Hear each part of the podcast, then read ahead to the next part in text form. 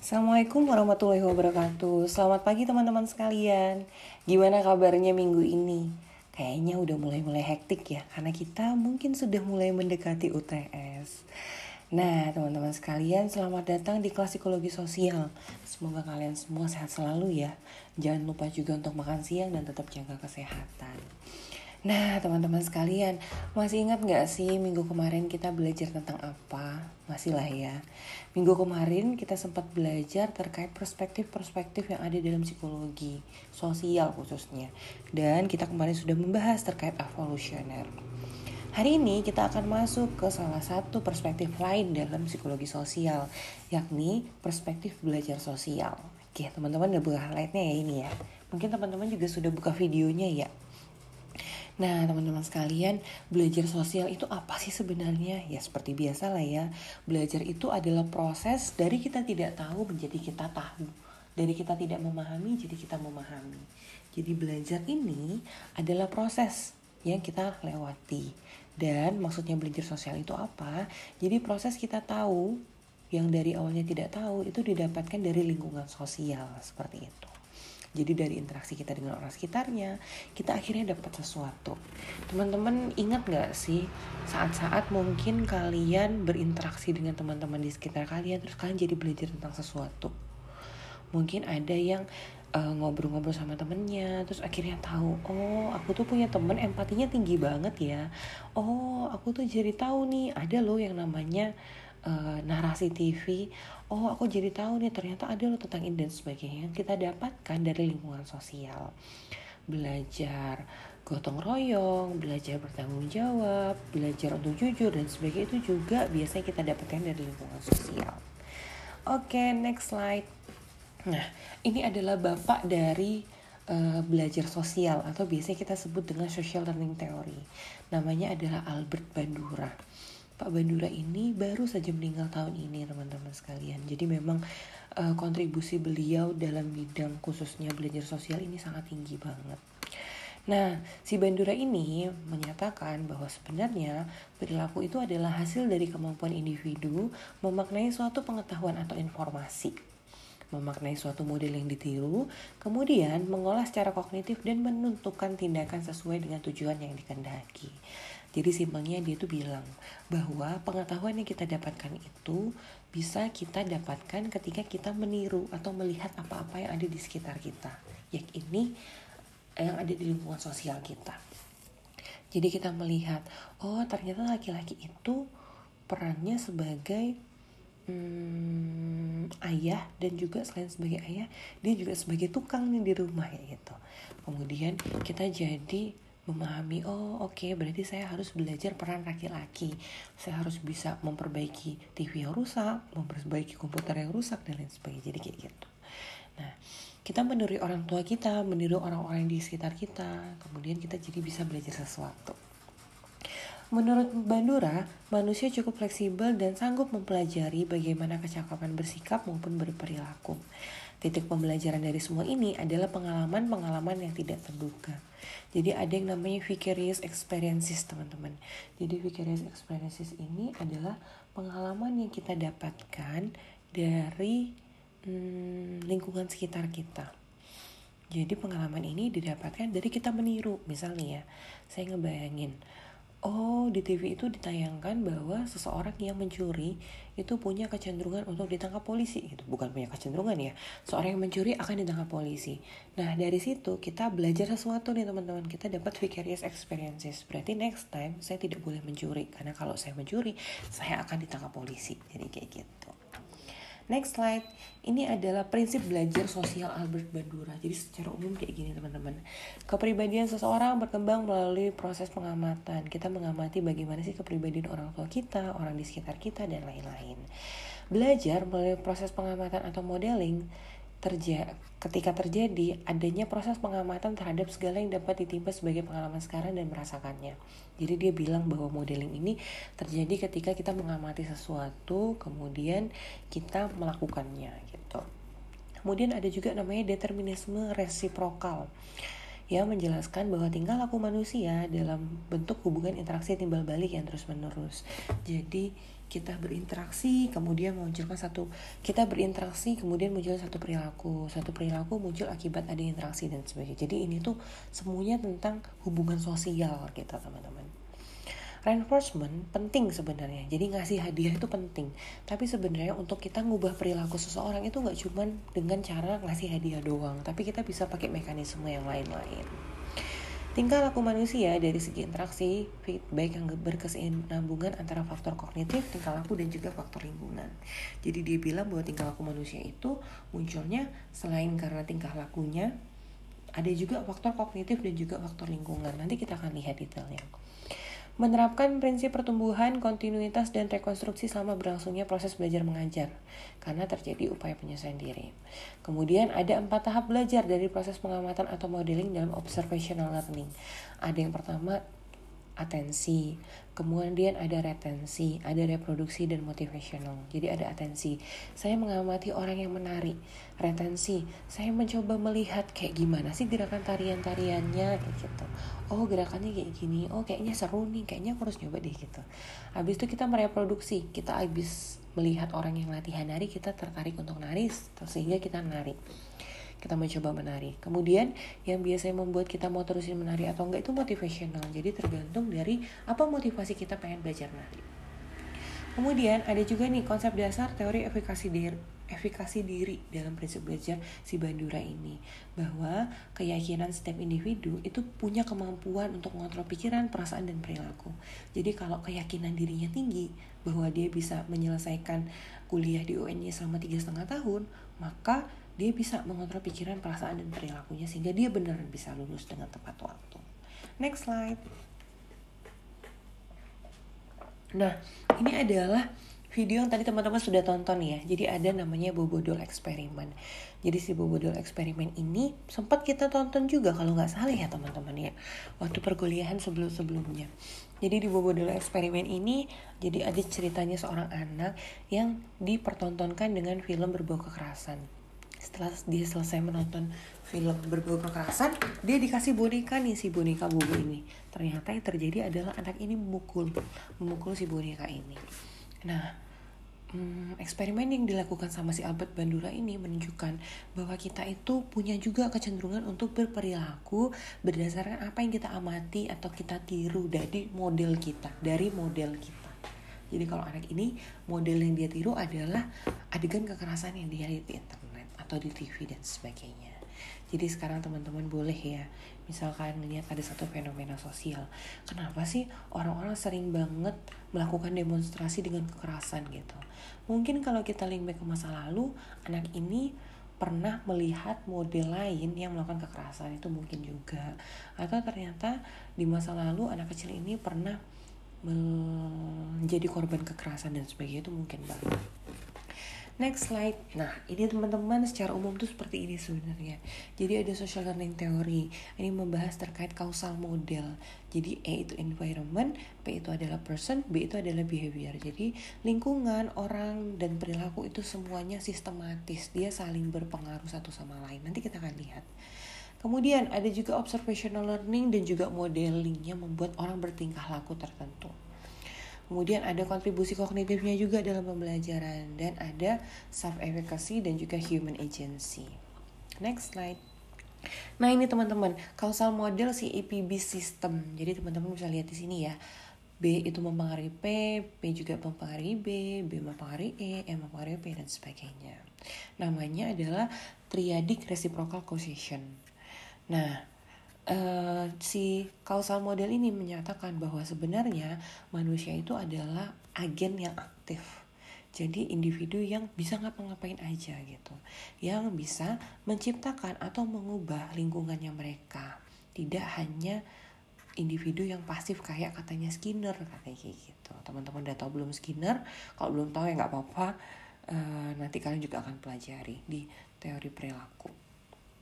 Nah, karena dia adalah individu yang aktif, bisa memilih dan bisa menentukan, maka dia juga bisa nih menentukan di mana sih dia ingin berada gitu.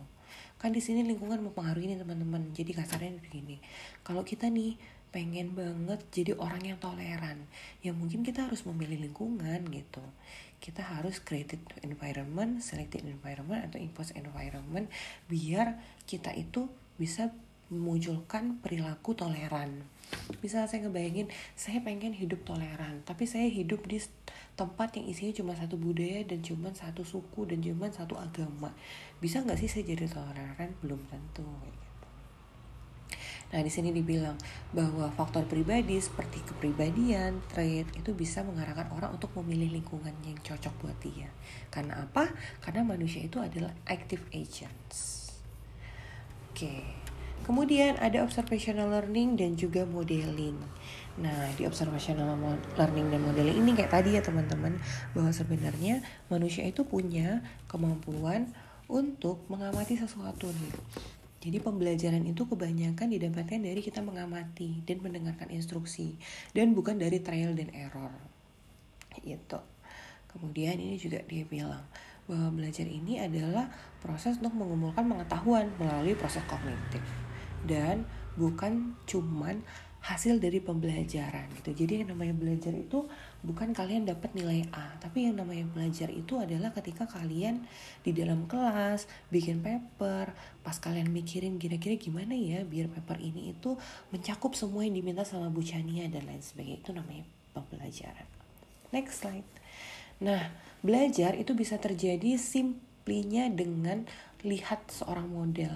Misalnya teman-teman mau belajar bagaimana cara menangani klien dengan masalah-masalah tertentu. Kalian gak harus langsung praktek, yang bisa kalian lakukan adalah lihat dulu nih di YouTube orang-orang yang nanganin klien misalkan kayak gitu. Oke, beberapa observasi biasanya juga diikuti dengan uh, model yang abstrak. Abstraksi a general rule from observing specific behavior. Setelah mengobservasi beberapa model, kita bisa mengorganisir uh, mengorganisir kognitif kita. Jadi simpelnya begini teman-teman. Jadi misal nih kita mau belajar gimana sih menangani teman kita yang lagi sedih kayak gitu. Yang kita lakukan adalah melihat model, melihat gimana sih Bu Chania nanganin klien, gimana sih di internet bilang cara nanganin klien, terus gimana sih kata teori cara nanganin klien dan sebagainya. Ketika kita sudah melakukan abstrak modeling itu, kemudian di dalam pikirannya kita itu bakal terorganisir satu-satu. Oh ternyata stepnya itu ini, ini dulu, ini dulu dan lain sebagainya. Jadi abstract modeling dan cognitive reorganization tadi itu akan mengarahkan kita untuk mereproduksi perilakunya. Jadi next time nih kalian udah bisa mengkonseling teman-teman kalian. And one will receive feedback in the form of reinforcement and reinforcement. Jadi misal kalian tadi udah udah mencontoh uh, bagaimana cara konseling teman kalian, kemudian kalian udah mau organisasiin pikiran kalian nih, kalian udah mencoba melakukan juga ke teman kalian. Biasanya kalian dapat feedback. Feedbacknya berapa berupa hal-hal yang misalkan reinforcement positif ya kalian dibilang sama teman kalian makasih banyak ya udah dengerin aku aku seneng banget dan lain sebagainya non reinforcement yang kayak nggak ada nggak ada feedback juga itu mungkin banget gitu oke menurut pada seberapa sih dekat perilaku yang kalian tuju dengan apa yang ditunjukin sama modelnya gitu. Next slide. Cognitive contribution to learning. Ini tadi yang sempat kita bahas ya teman-teman. Jadi sebenarnya ada kognitif teori juga di dalam si belajar sosial ini. Jadi kita mengamati apa yang ada di lingkungan, kemudian otak kita akan proses. Jadi ini prosesnya kayak tadi ya teman-teman. Jadi kita menaruh atensi dulu, Kemudian setelah kita menaruh atensi, kita juga melihat-lihat nih, melakukan retensi pada simbol-simbol dan apa-apa yang ada di sekitar kita. Habis itu kita memproduksi perilakunya biar mirip sama model dan nanti yang mempengaruhi kita akan melakukan lagi apa enggak itu adalah motivasinya. Next slide. Nah, kemampuan kita untuk mm, mengikuti satu model untuk berubah untuk belajar sosial itu dipengaruhi yang namanya self efficacy jadi self efficacy ini adalah persepsi seseorang tentang kompet tentang kompetensinya dalam menghadapi lingkungan. Kayak gitu. Jadi misal nih ya, saya mau ngadain ujian, bukan teman-teman diminta untuk bikin konten sosial media tentang self efficacy. kemudian teman-teman ngerasa yakin aku tuh bisa kok bikin konten sosial media gitu karena saya punya self efficacy jadi saya udah yakin nanti saya bisa mengontrol pikiran saya perasaan saya dan perilaku saya untuk ngerjain konten sosial medianya kayak gitu tapi kalau kita belum punya self efficacy atau self efficacy kita rendah biasanya kita jadi nggak termotivasi kayak gitu Kenapa sih bisa seperti itu? Karena ternyata self efficacy ini adalah keyakinan seseorang tentang kapabilitas dirinya untuk mengorganisir, untuk mengeksekusi tugas-tugas dan menghasilkan sesuatu gitu. Terus katanya nih, seiring dengan berjalannya waktu ada perubahan dalam aspek-aspek self efficacy dan itu penting banget. Next slide kita mengkonsumsi pengetahuan kita tentang self efficacy dengan beberapa situasi. Misal nih self efficacy itu tumbuh karena kita pernah sukses. Karena saya dulu pernah bikin konten sosial media pas saya lagi magang, maka sekarang saya jadi lebih yakin nih. Karena dulu saya pernah gagal ujian matematika, sekarang saya nggak yakin saya bisa ngerjain uh, eh, PR matematika misalnya gitu. Kemudian vicarious experience juga iya nih. Saya mengamati kok kayaknya nggak susah ya belajar matematika karena saya ngerasa kayak gitu kemudian saya bisa sampai reputasi saya meningkat Kemudian ada juga namanya verbal persuasion. Jadi dipersuasi sama orang di sekitarnya. Misal nih saya, saya bilang Putri, ayo Putri, Putri itu pasti bisa gitu. Ayo dicoba dulu, kamu juga dulu pernah kok, misalkan kayak gitu. Jadi kita membujuk dia secara verbal untuk dia bisa ngelakuin itu. Dan yang terakhir, one psychological and affective state. Jadi tergantung gimana afeknya dia sih sebenarnya kondisi psikologisnya dia. Cognitive development helps integrating the sources of information accurately. Jadi perkembangan kognitif kita nih di masa-masa ini itu sangat membantu banget buat mengumpulkan informasi-informasi tentang empat hal ini misalkan kayak gitu. Dan itu membantu kita untuk memproduksi satu perilaku. Nah, ada yang istilahnya collective efficacy. Jadi keyakinan kelompok tentang kemampuan, dalam melakukan aksi kolektif untuk menghasilkan eh, hasil-hasil uh, yang bernilai. Oke. Kolektif efikasi, jadi keyakinan dalam kelompok itu bisa banget memberdayakan individu. Kemudian dari individu yang berdaya ini bisa meningkatkan keyakinan kelompoknya lagi. Jadi sebenarnya sifatnya timbal balik. Contoh nih, saya berkelompok sama Ana, Ani, Anu sama Ani kemudian kita sama-sama yakin nih kalau kita bisa berkelompok dan bisa menyelesaikan satu tugas akhirnya bisa selesai tugasnya gitu kemudian ada juga istilahnya agency jadi agency itu adalah kemampuan hmm, function and the course of event by one's action four core properties of human agency and the course of event by one's action Hmm, kok saya lupa ya? Sebentar saya cek di buku.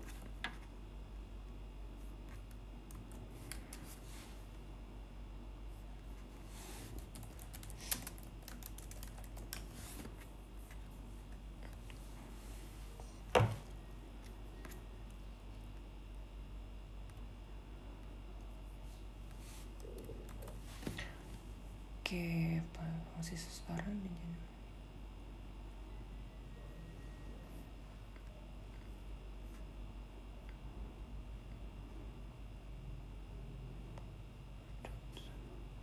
Oke, agensi itu adalah kemampuan untuk memberikan pengaruh atas fungsi seseorang dan jalannya peristiwa melalui tindakan seseorang.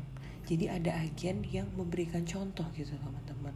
Biar kita tuh jadi lebih yakin, lebih mampu.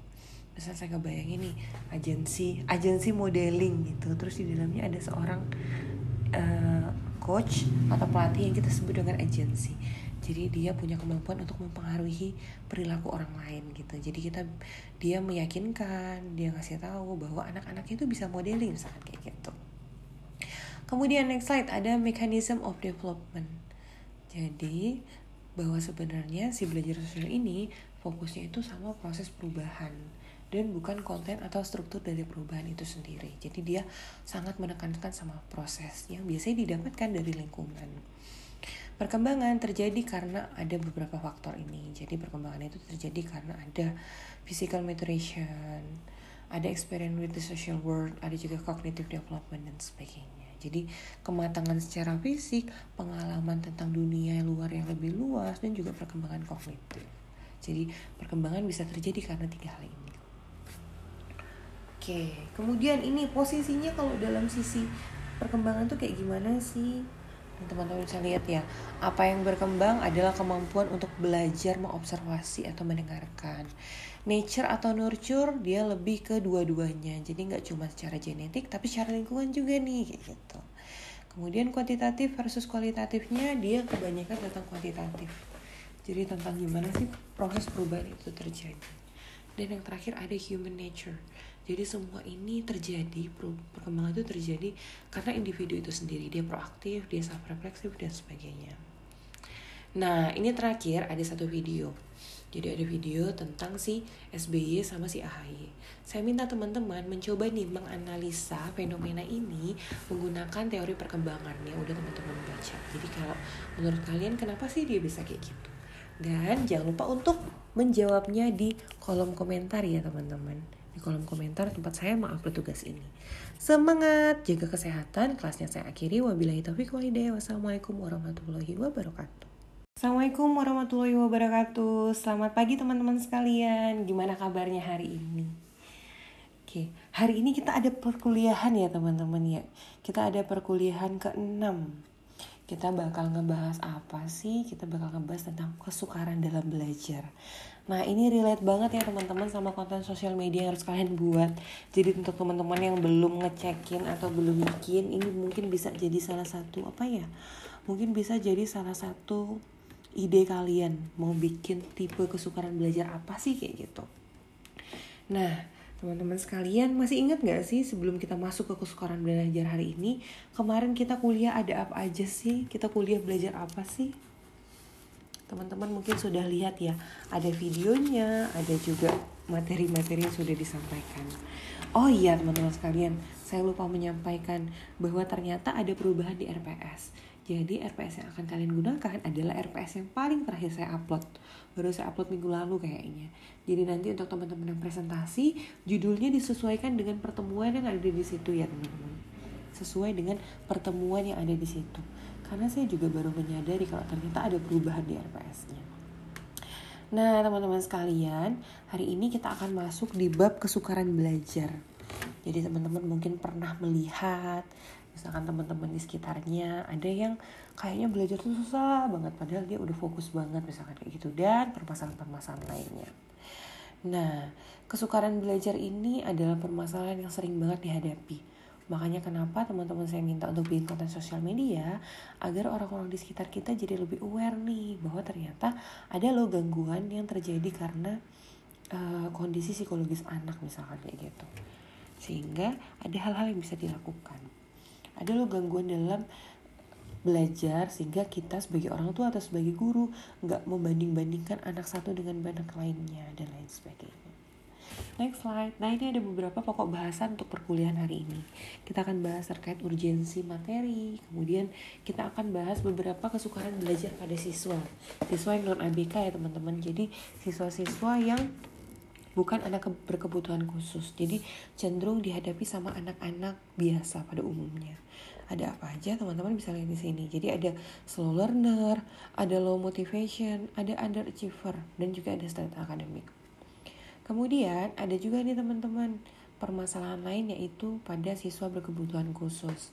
Ada disabilitas intelektual, ADHD, autisme, gangguan belajar, atau learning difficulty, gangguan emosional dan perilaku, serta gifted atau anak yang cenderung cerdas. Dan nanti kita akan bahas juga pendidikan inklusi.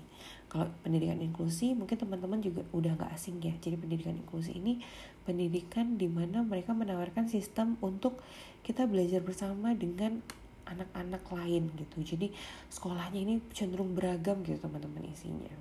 Gitu. Jadi uh, tujuannya biar apa sih? Jadi kita ngasih asas keadilan nih bahwa anak-anak yang normal itu bisa bergabung dengan anak-anak yang berkebutuhan khusus. Anak berkebutuhan khusus bisa belajar atau bisa dibantu dengan oleh anak-anak normal. Jadi mereka saling berinteraksi di sana Next slide. Nah ini urgensi materi. Kenapa sih tema kesukaran belajar itu penting buat kita pelajari? Karena ternyata banyak banget nih keragaman siswa kita termasuk siswa yang punya masalah atau kesulitan akademis dan siswa yang berkebutuhan khusus. Harapannya apa? Jadi nanti ketika teman-teman misalkan di kelasnya ada siswa-siswa yang ternyata berkebutuhan khusus, kalian tahu bagaimana sih harus menghadapinya. Ketidaktahuan pendidik dalam mengenali anak-anak berkebutuhan khusus di sekolah akan ber berdampak pada layanan pembelajaran. Jadi misal nih dia harusnya uh, bisa kita maksimalkan potensinya karena dia ternyata cerdas banget. Tapi karena kita nggak tahu, kita biarin dia mengikuti pembelajaran kayak anak-anak pada umumnya. Jadi harapannya kita semua jadi lebih sadar nih, oh ternyata ada sesuatu nih gitu. Sehingga kita nanti kalau dihadapkan sama situasi tahu harus ngapain. Pendidik perlu mengenali ciri siswa yang memiliki permasalahan dan siswa berkebutuhan khusus. Biar apa? Biar kita tidak ngejudge dan kita nggak ngelabel. Kamu nih bodoh ya, kamu nih ini ya, dan sebagainya. Biasa kan guru-guru punya kecenderungan seperti itu. Nah karena teman-teman sudah memahami nih, sudah tahu, harapannya teman-teman tidak akan melakukan hal yang sama. Mengenali karakteristik siswa akan membantu pendidik dalam mengembangkan potensi dari siswa tersebut jadi anak itu kayak selembar kertas ya teman-teman. Selembar kertas putih. Isinya mau apa ya tergantung dari kita juga gitu. Jadi kita bisa maksimalin potensi si kertas putih ini jadi emas. Atau kita bisa bikin kertas putih ini cuma jadi kertas doang kayak gitu. Oke, next slide. Kita akan masuk ke kesukaran belajar. Nah ini teman-teman, kalian pasti pernah ya ngelihat siswa-siswi atau orang-orang di sekitar kalian yang ngerasa gak semangat banget mau belajar atau kalian lihat teman-teman sekitar kalian ada yang susah memahami materi walaupun udah dijelasin berkali-kali. Terus mungkin juga teman-teman ngelihat ada anak-anak yang kalau di sekolah tuh lagi belajar nilainya tuh jelek banget. Tapi kalau lagi nggak di sekolah itu tuh kayaknya dia punya kemampuan kognitif yang baik banget kayak gitu Nah, kenapa sih kesukaran belajar ini penting untuk kita bahas? Karena kayak tadi ya teman-teman, bahwa selama pembelajaran di sekolah, kita tuh sebagai pendidik dihadapin sama banyak banget siswa dengan karakter yang macam-macam.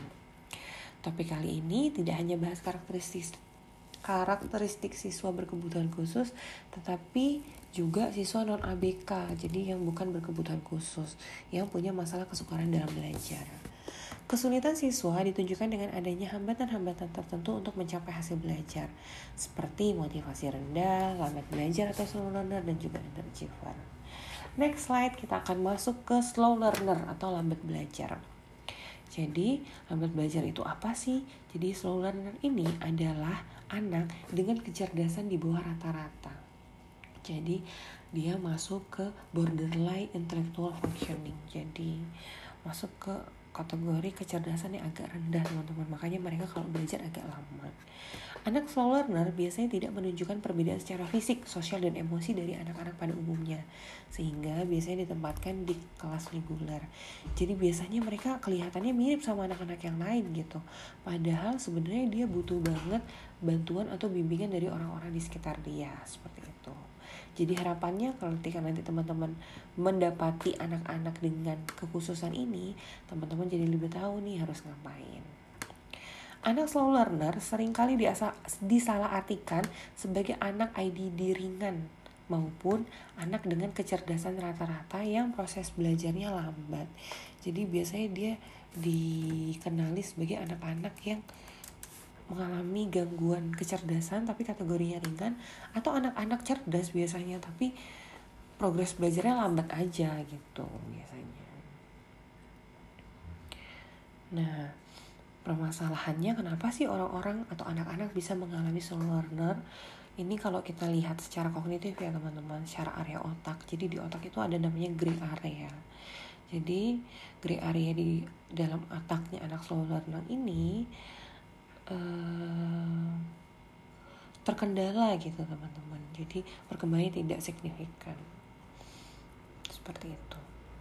Jadi karena slow learner ini sebenarnya permasalahan kemudian jarang banget dikenali kadang-kadang bikin penanganannya itu jadi tidak maksimal gitu teman-teman. Orang tua nggak tahu guru-guru nggak tahu dan sebagainya. Padahal kalau guru-guru tahu orang sekitarnya tahu kemungkinan besar dia untuk menjadi anak yang bisa mengikuti pembelajaran itu mungkin banget gitu Next slide. Karakteristik siswa slow learner. sering gagal memenuhi standar akademik di sekolah, misalkan dia nilainya rendah, lebih mampu menunjukkan performa belajar ketika informasi disajikan dengan cara yang konkret, karena mereka merasa kesulitan jika konsep atau pengajarannya lebih abstrak. Jadi kalau misalkan ngomong 3 kali 3 sama dengan 9 itu dia agak gak ngerti. Tapi kalau ditulisin di dinding ada tiga nih, tiganya ada tiga itu jawabannya 9 dia ngerti. Jadi untuk hal-hal yang abstrak itu dia nggak bisa memahami biasanya. Dia lebih mampu memahami sesuatu yang ada gambarnya gitu. Jadi teman-teman nanti kalau menghadapi perlu yang mempertimbangkan ini. Kesulitan mentransfer atau menggeneralisasi kemampuan, pengetahuan, dan strategi dibanding teman sebayanya. Mereka dapat mempelajari sesuatu dengan baik, tapi sulit nih mengaplikasikan konsep tersebut pada situasi yang baru misal nih dia belajar perkalian. Dia udah ngerti gimana perkalian. Dua kali dua tiga kali tiga empat kali empat tuh ngerti.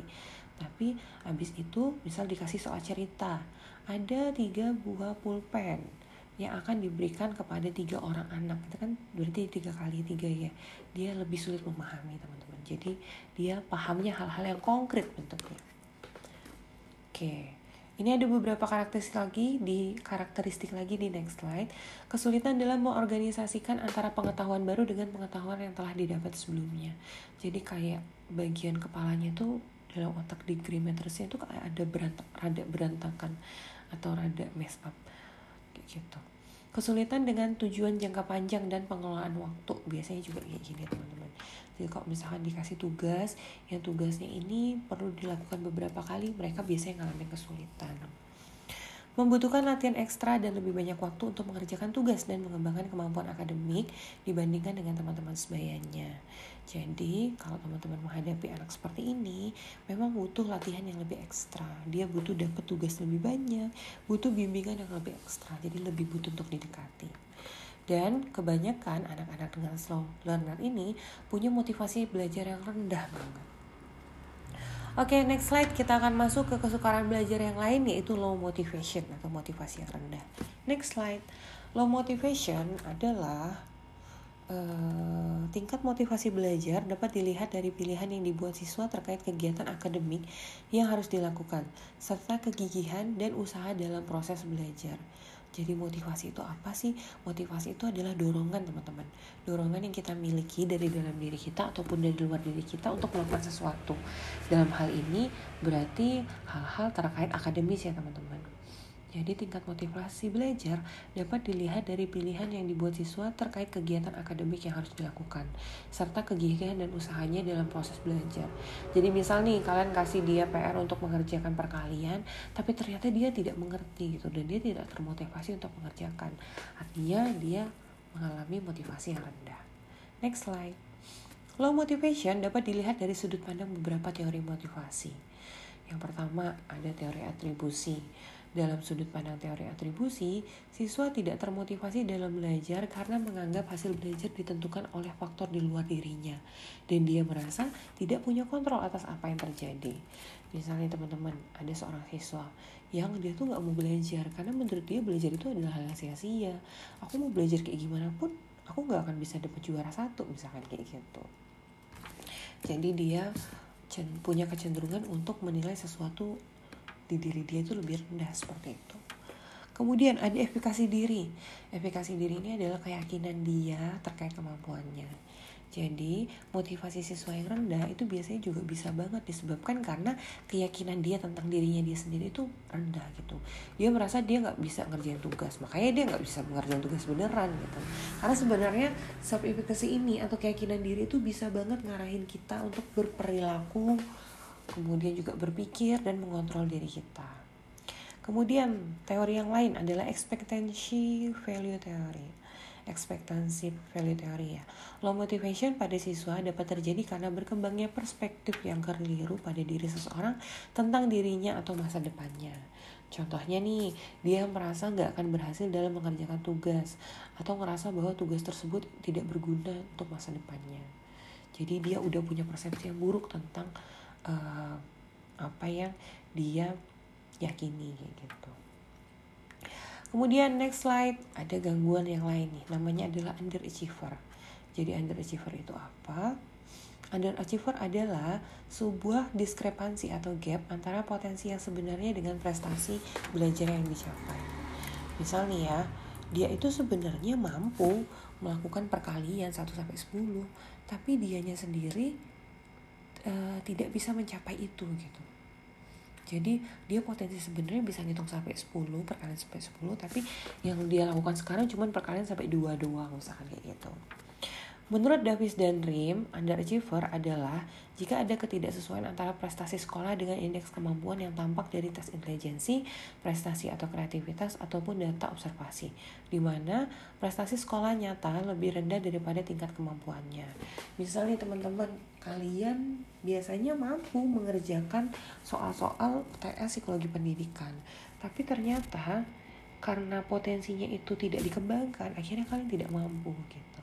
Padahal sebenarnya kalau ditanyain ngerti nggak ngerti gitu. Tapi kok nggak bisa dikerjain? Kayak gitu namanya underachiever jadi dia mencapai sesuatu yang di bawah dari batasan dia bisa harusnya. Next slide. Siswa yang berpotensi gagal berprestasi atau underachiever bisa disebabkan oleh beberapa alasan. Misal, ekspektasi orang tua yang rendah, ekspektasi lingkungan yang rendah, kurangnya motivasi, trauma dalam keluarga, dan sebagainya. Jadi banyak banget penyebabnya kenapa sih siswa kita itu bisa banget underachiever. Siswa yang rentan mengalami underachiever biasanya adalah siswa-siswa yang pinter siswa-siswa gifted yang kita nggak tahu kalau dia sebenarnya gifted siswa perempuan yang terbentur kultur atau norma sosial ada bias gender harusnya dia bisa nih ikut olimpiade matematika tapi katanya matematika itu cuma bisa dilakukan sama laki-laki karena isinya logika gitu akhirnya dia nggak bisa kemudian siswa dari kalangan atau etnis minoritas biasanya punya kecenderungan untuk malu nggak berani ngapa-ngapain dan sebagainya oke okay, next slide Nah, kita masuk ke bagian stres akademik. Jadi ada yang namanya stres akademik. Stres akademik itu apa sih? Kita next slide. Stres akademik adalah stres yang terkait dengan tekanan di sekolah seperti ekspektasi terhadap performa akademis, tugas-tugas yang berat, dan persepsi diri yang rendah terkait hal-hal akademis. Aspeknya ada apa aja? Ada fisiologis, biasanya ngerasa kelelahan, sakit kepala pas belajar. Aspek emosional, ngerasa putus asa, tidak menyukai tantangan, emosi negatif pas belajar. Terus ada secara perilaku, mudah nangis, kurang mampu menceritakan masalah kepada teman, melakukan hal tidak biasa di sekolah, dan sebagainya. Ada juga nih aspek kognitif, biasanya jadi berpikir negatif terhadap hal yang terjadi, memikirkan hal lain ketika lagi belajar. Sering mungkin ya teman-teman, stres akademik itu dihadapkan dihadapi sama siswa, termasuk juga teman-teman yang lagi mahasiswa sekarang. Kadang-kadang stres, kenapa sih Bu Chania bikin soal gampang banget? Enggak ya teman-teman. Biasanya kenapa sih ini soalnya susah banget? Gimana ya cara nyelesainnya? Karena kita mungkin tidak tahu tidak pernah akhirnya kita merasa kebingungan terus kita jadi mengalami yang namanya stres akademik. Next slide. Nah tadi kita udah bahas gangguan-gangguan atau masalah-masalah dalam kesukaran belajar masalah-masalah anak yang tidak berkebutuhan khusus. Sekarang kita akan masuk ke siswa berkebutuhan khusus. Next slide Nah ini teman-teman ya, kenapa sih sebenarnya penting banget untuk kita tahu gimana sih menanganinya. Bahkan Nadim, uh, menteri kita juga sempat bilang nih, bahwa sebenarnya guru itu perlu tahu loh prinsip pendidikan untuk disabilitas dan sebagainya. Menurut saya secara pribadi, hampir semua guru harus mengetahui prinsip dasar pendidikan untuk kebutuhan khusus. Jadi harus bisa menangani dengan perhatian khusus. Next slide. Nah, ini ada beberapa macam dari gangguan atau masalah kesukaran belajar yang dihadapi oleh anak berkebutuhan khusus. Yang pertama adalah disabilitas intelektual. Mungkin teman-teman sering dengar ya teman-teman kalau tentang disabilitas intelektual. Next slide. Nah, ini teman-teman. Jadi deskripsinya adalah uh, intelektual disabilitas ini adalah gangguan secara kecerdasan. Jadi kalau teman-teman lihat di sebelah kanan ada tuh klasifikasinya. Jadi ada klasifikasi dari mild yang ringan banget, kemudian moderate, ada severe agak parah sama sangat parah. Jadi kalau yang gangguan kecerdasan ringan itu IQ-nya biasanya antara 55 sampai 70. Kalau gangguannya ringan uh, sedang itu 40 sampai 54 dan selanjutnya. Nah, biasanya gangguan intelektual ini muncul sebelum jadi kondisi dengan onset. Onset itu kemunculannya, teman-teman. Jadi dia itu muncul sebelum usia 18 yang melibatkan kecerdasan terendah. Biasanya di bawah 70 dengan menggunakan tes kecerdasan. Jadi sebelum usia 17 ta 18 tahun biasanya udah kebaca nih kalau misalkan kita melakukan tes kecerdasan dan biasanya dia mengalami kesulitan dalam beradaptasi dengan kehidupan sehari-hari. Jadi susah nih mungkin apa sih ada di sekitar kita gitu. Kemudian ciri-cirinya ada apa aja sih? Yang pertama terjadi keterlambatan perkembangan, gangguan dalam fungsi kognitif seperti menalar, memecahkan masalah, dan seterusnya. Kesulitan dalam fungsi adaptif seperti memahami aturan, mengarahkan tugas-tugas harian, bersosialisasi, dan sebagainya jadi ada per, ada keterlambatan teman-teman. Dan keterlambatannya biasanya cukup signifikan. Ada gangguan fungsi kognitifnya juga. Kadang-kadang kalau diajakin berpikir sesuatu yang cukup berat ya nggak bisa dan sebagainya. Next slide. Kemudian ada juga nih ADHD yang juga jadi salah satu masalah dalam belajar ADHD ini ada apa aja sih? Ada attention deficit dan hyperactivity disorder. Jadi gangguan pemusatan perhatian atau hiperaktif kalau kita bilang di Indonesia. Jadi ada attention deficit atau kurangnya atensi gitu teman-teman. Dan hyperactivity disorder. Jadi perilaku aktifnya itu sangat berlebihan. Next slide. ADHD, sebuah disabilitas di mana seorang anak menunjukkan satu atau lebih karakteristik di bawah ini yang pertama dia sulit banget memutas, memusatkan perhatiannya. Jadi misalkan nih dia udah dikasih instruksi suruh menggambar dia malah lari nyariin temannya dia ganggu-ganggu temannya dan sebagainya. Kemudian hiperaktivitas. Jadi aktivitas fisiknya tuh tinggi banget gitu teman-teman. Dan impulsivitas melakukan sesuatu kadang-kadang tanpa dipikirkan. Ciri atau gejala perilakunya dia sulit fokus, pandangan mata mulai mudah teralih, sulit mengikuti instruksi dari guru, sulit mengendalikan diri, jadi sulit nunggu giliran biasanya, mengganggu, sulit duduk tenang, dan tugas-tugas tidak selesai karena dia tidak bisa memusatkan perhatiannya. Jadi sering banget segalanya itu jadi kacau gitu. Next slide, ada juga namanya autisme. Jadi autisme ini adalah gangguan yang ditandai dengan hambatan kognisi sosial, keterampilan sosial, dan interaksi sosial. Serta pengulangan perilaku tertentu, terdapat keterlambatan kognitif dan kemampuan linguistik serta menunjukkan abnormalitas dalam berkomunikasi. Jadi ada beberapa hal ya teman-teman. Yang pertama ada hambatan dalam kognisi sosial. Jadi dia masalahnya di bagian sosial biasanya memang. Kemudian ada uh, pengulangan perilaku tertentu. Jadi biasanya nih, misal anak aktif autis suka banget hal-hal yang lingkaran gitu. Terus ya udah dia cuma main hal-hal itu aja gitu. Jadi dia terfokus sama sesuatu dalam waktu yang lama biasanya. Ciri-cirinya aspek sosialisasi itu dia tidak tertarik dengan apa yang terjadi di sekitarnya, nggak suka disentuh, susah memahami maksud pembicaraan orang lain dan sebagainya. Aspek bicara mengulangi kata yang sama berulang kali, tidak memahami arahan, pernyataan, atau pertanyaan sederhana. Nah, ciri-cirinya biasanya aspek nonverbal itu dia kelihatan dari dia menghindari kontak mata, ekspresi wajahnya nggak sesuai. Misalnya dia lagi sedih, dia nggak nangis tapi dia ketawa. Tidak menanggapi ekspresi, misal teman-teman senyum ke dia, dia nggak senyum. Nah, dia bicara ataupun gesture dari orang lain. Next slide, ada yang namanya juga uh, learning disability atau gangguan belajar. Nah, gangguan belajar ini ada macam-macam ya teman-teman. Teman-teman bisa cek di next slide. Jadi, kesulitan dalam belajar yang melibatkan pemahaman atau penggunaan bahasa lisan atau tulisan. Kesulitan bisa muncul dalam hal mendengarkan, berpikir, membaca, menulis, dan mengeja, serta dalam mengerjakan matematika. Gitu, teman-teman. Masalah pada siswa, gangguan belajar bukan berasal dari gangguan visual, bukan karena telinganya teman-teman, bukan karena matanya atau karena badannya. Tapi yang terjadi adalah sulit untuk dengerin, sulit untuk mendengarkan, berpikir, baca, menulis, dan sebagainya. Nanti kita akan lihat.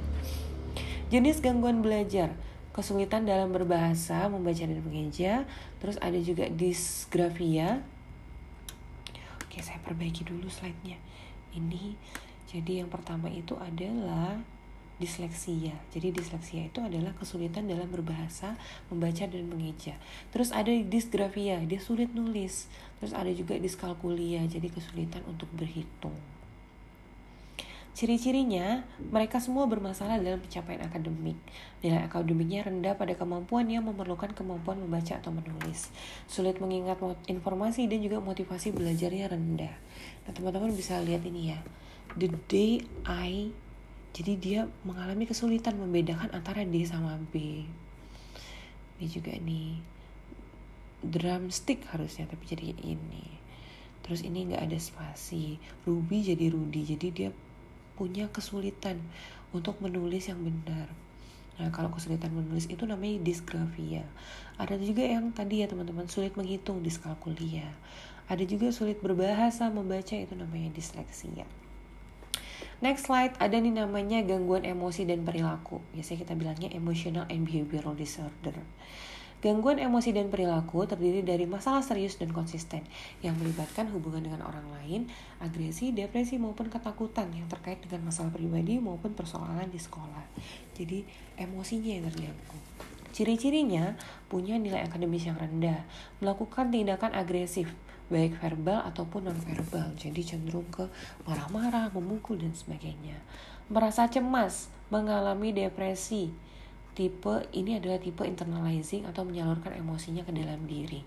Jadi ada yang namanya gangguan emosional tipe externalizing ya teman-teman. Jadi tipe externalizing itu yang tadi. Jadi dia menyalurkan emosinya keluar diri. Jadi ke orang-orang yang ada di sekitarnya. Kemudian selain itu juga ada yang ke dalam diri nih. Kalau ke dalam diri yang kelihatan itu tadi teman-teman. Jadi cemas, depresi dan sebagainya. Oke. Next slide. Ada siswa berbakat atau gifted. Nah, belum terdapat kesepakatan terkait definisi anak berbakat atau gifted. Namun demikian, siswa gifted biasanya punya keunggulan atau keluar biasaan. Salah satunya terdapat pada yang pertama ada kecerdasan umum, punya bakat yang spesifik, punya kemampuan berpikir kreatif, kemampuan luar biasa dalam bidang seni hingga kemampuan kepemimpinan. Ciri-cirinya nih teman-teman, pada umumnya siswa gifted itu punya kepekaan terhadap perasaannya sendiri. Kemudian punya konsep diri yang positif, punya pengendalian emosi yang baik, punya minat dan bakat bidang minat yang luas, diterima dan disukai teman sebayanya. Namun demikian, ada juga nih yang jadi korban bully atau justru jadi menjadi pembuli karena mereka basicnya pinter. Nah, yang terakhir adalah mengenal pendidikan inklusi. Kenapa sih pendidikan itu perlu menjadi pendidikan inklusi? Anak dengan disabilitas atau berkebutuhan khusus masih banyak mengalami hambatan dalam memperoleh pendidikan yang layak. Ini adalah fakta, teman-teman. Jadi, jarang banget mereka bisa dapat pendidikan yang sesuai dengan apa yang mereka butuhkan. Mereka rentan mengalami diskriminasi maupun mendapat stigma tertentu, sehingga kurang punya kesempatan dalam belajar maupun berorganisasi maupun berpartisipasi dalam komunitas.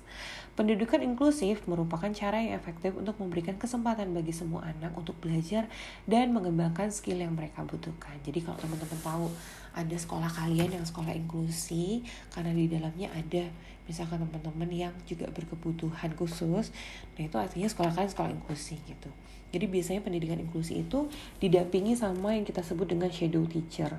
Jadi guru yang uh, mendampingi gitu. Tapi bukan guru guru kelas ya. Biasanya gurunya beda kayak gitu. Nah jadi kenapa sih penting banget pendidikan inklusi? Karena kita bisa belajar satu sama lain. Learning knows no bounds. Jadi ada di sini teman-teman ada beberapa anak dengan kebutuhan-kebutuhan khusus yang sebenarnya layak juga diperlakukan sama seperti kita. Seperti itu ya teman-teman. Terima kasih banyak untuk atensinya. Kalian udah belajar nih tentang kesukaran belajar. Yang belum bikin PPT, kok PPT yang belum bikin konten sosial media boleh untuk cari konten sosial medianya ya teman-teman mau diisi apa next slide ini terakhir adalah referensinya untuk perkuliahan kita hari ini Baik, kelasnya akan saya akhiri. Wabillahi taufiq wal hidayah. Wassalamualaikum warahmatullahi wabarakatuh. Teman-teman jangan lupa jaga kesehatan.